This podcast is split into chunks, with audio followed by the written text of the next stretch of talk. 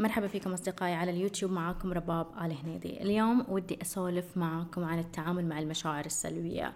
ومو بطريقة تعليمية يعني لا بس أبي أدردش وياكم أشارككم تجربة شخصية. سو اللي تابعني من فترة طويلة ممكن سمعني دايما أكرر جملة أن أنا أول ما دخلت الرياضة قبل أربع سنوات دخلتها من باب أهرب من مشاعر سلبية كنت عايشة فيها من اكتئاب كنت عايشة فيه. وبعد لأني نقلت مدينة جديدة ما كنت أعرف فيها أحد فكنت خايفة من الوحدة ولجأت للرياضة كمهرب من الوحدة. بس خلال السنة الماضية بعد ما دخلت في الوعي في التشافي من أحداث الطفولة ومن أحداث الماضي في العودة إلى الذات في معرفة من أنا. اكتشفت أن أنا كنت جايبة العيد. اكتشفت أنه من الخطأ أن أنا ألجأ إلى الرياضة كمهرب. معناتها روبي أنت ما تعاملتي مع مشاعرك السلبية أبدا. معناتها أنت خدرتيها ورحتي تدوري على مهرب. طبعا البعض ممكن يستغرب الجملة هذه لأن إحنا دائما نردد تمرنوا سووا رياضة عشان يخفف من القلق عندكم ومن الاكتئاب عشان تحسن من جودة حياتك وترفع جودة حياتك وهالشيء سليم. الرياضة لها فوائد كثيرة على النفس. لكن الخطأ لما نلجأ إلى الرياضة كمهرب من هالألم المدفون والمكبوت داخلنا. وطبعا هالكلام ينطبق على باقي المشتتات بعد. يعني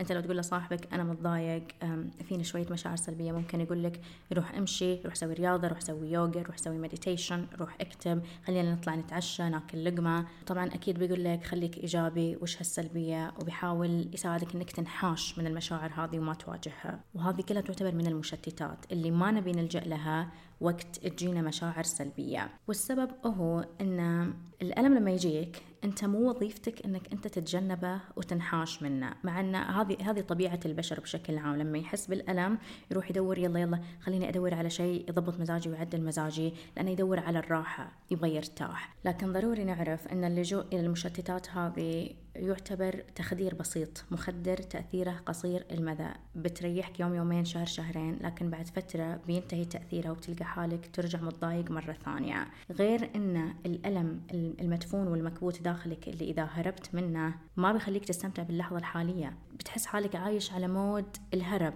أنا أبغى أهرب من الألم اللي فيني فخليني أروح أدور على شيء يريحني. وتلاقي حالك تسوي حالك إنك رايق وإنك you are having a good time. وفي الحقيقة أنت you are not enjoying the moment. أنت مو قاعد تستمتع باللحظة الحالية. وهالشيء هذا نشوفه في كثير من الناس اللي يحملوا جواتهم كمية ألم كبيرة. لكن بدل ما يواجهوها يظهروا إلى الناس على أنهم ناس واثقين من حالهم على أنهم ناس أقوياء وعارفين شنو قاعدين يسووا. وبعد من الأضرار اللي بتجينا إذا لجأنا إلى الهرب وإلى المشتتات هذه بدل مواجهة المشاعر إنه ممكن يتكون عندنا إدمان. لأن أنت عايش بألم وممكن تكون عايش بفكرة أن الحياة صعبة وما هي عادلة والألم مسيطر على تفكيرك ف بتلاقي حالك تفشل في علاقاتك تفشل في أهدافك ممكن تدخل إدمان. وأنا ما أتكلم عن الإدمان بس من ناحية المخدرات والكحول لا. الإدمان ممكن يكون حتى على الرياضة أتذكر نفسي كيف كنت مدمنة رياضة أتمرن آه، بالمرتين في اليوم صباح وليل أقضي ساعات طويلة في الجيم أشيل أوزان ثقيلة وأيام كثيرة كنت أتمرن وأنا فيني غضب وفيني حزن.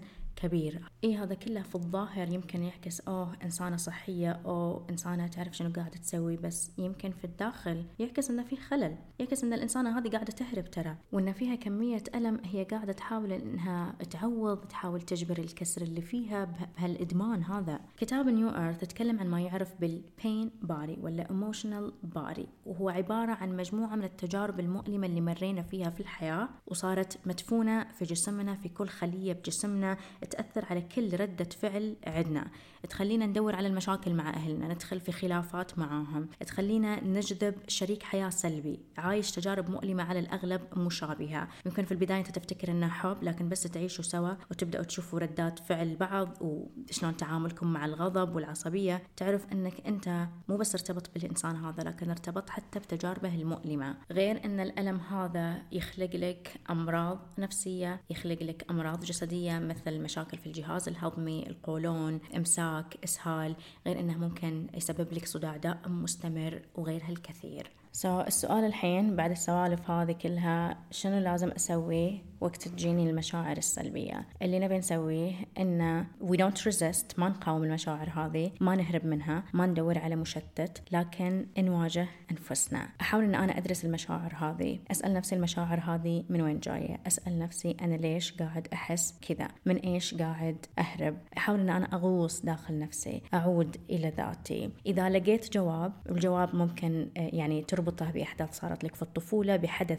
لسه صاير لك ومأثر فيك. جدا ممتاز. كذا عرفت أنا ليش قاعدة أحس المشاعر هذه. وإذا ما لقيت جواب بعد it's fine على الأغلب المشاعر هذه بترجع تطلع لك مرة ثانية. واللي تبي تسويه إنك تسألها نفس السؤال أنت ليش قاعد تحس كذا؟ وممكن تلاقي الجواب. وهالشيء هذا يمكن صار لك من قبل لما تحس حالك زهقان طفشان متضايق وما تدري ليش. ما في سبب واضح. عشان أكون معاكم صريحة يمكن وأنا أقول الحل يعتبر جدا سهل. إنه داه أنا متضايقة. يلا خليني أسأل حالي إيش فيني متضايقة وبلقى الجواب. لكن في الواقع هو ما هو بهالسهولة هذه. يعني أنا أحس أخذ مني ثلاث سنين عشان أكتشف وأربط أن أنا كنت أهرب من شيء ما بالرياضة. لما صرت أقرأ في الوعي لما صرت أتابع ناس مهتمين بالوعي لما قرأت كتاب نيو أيرث هذا ربط لي حياتي كلها مع بعضها خلاني أكتشف أشياء عن نفسي أنا ما كنت أعرفها. ومن الحلول اللي قدمها كتاب نيو أيرث للتعامل مع المشاعر والذكريات المؤلمة إن حنا ندرك إنها موجودة في وقتها بأنه ما نعرف أنفسنا فيها لكن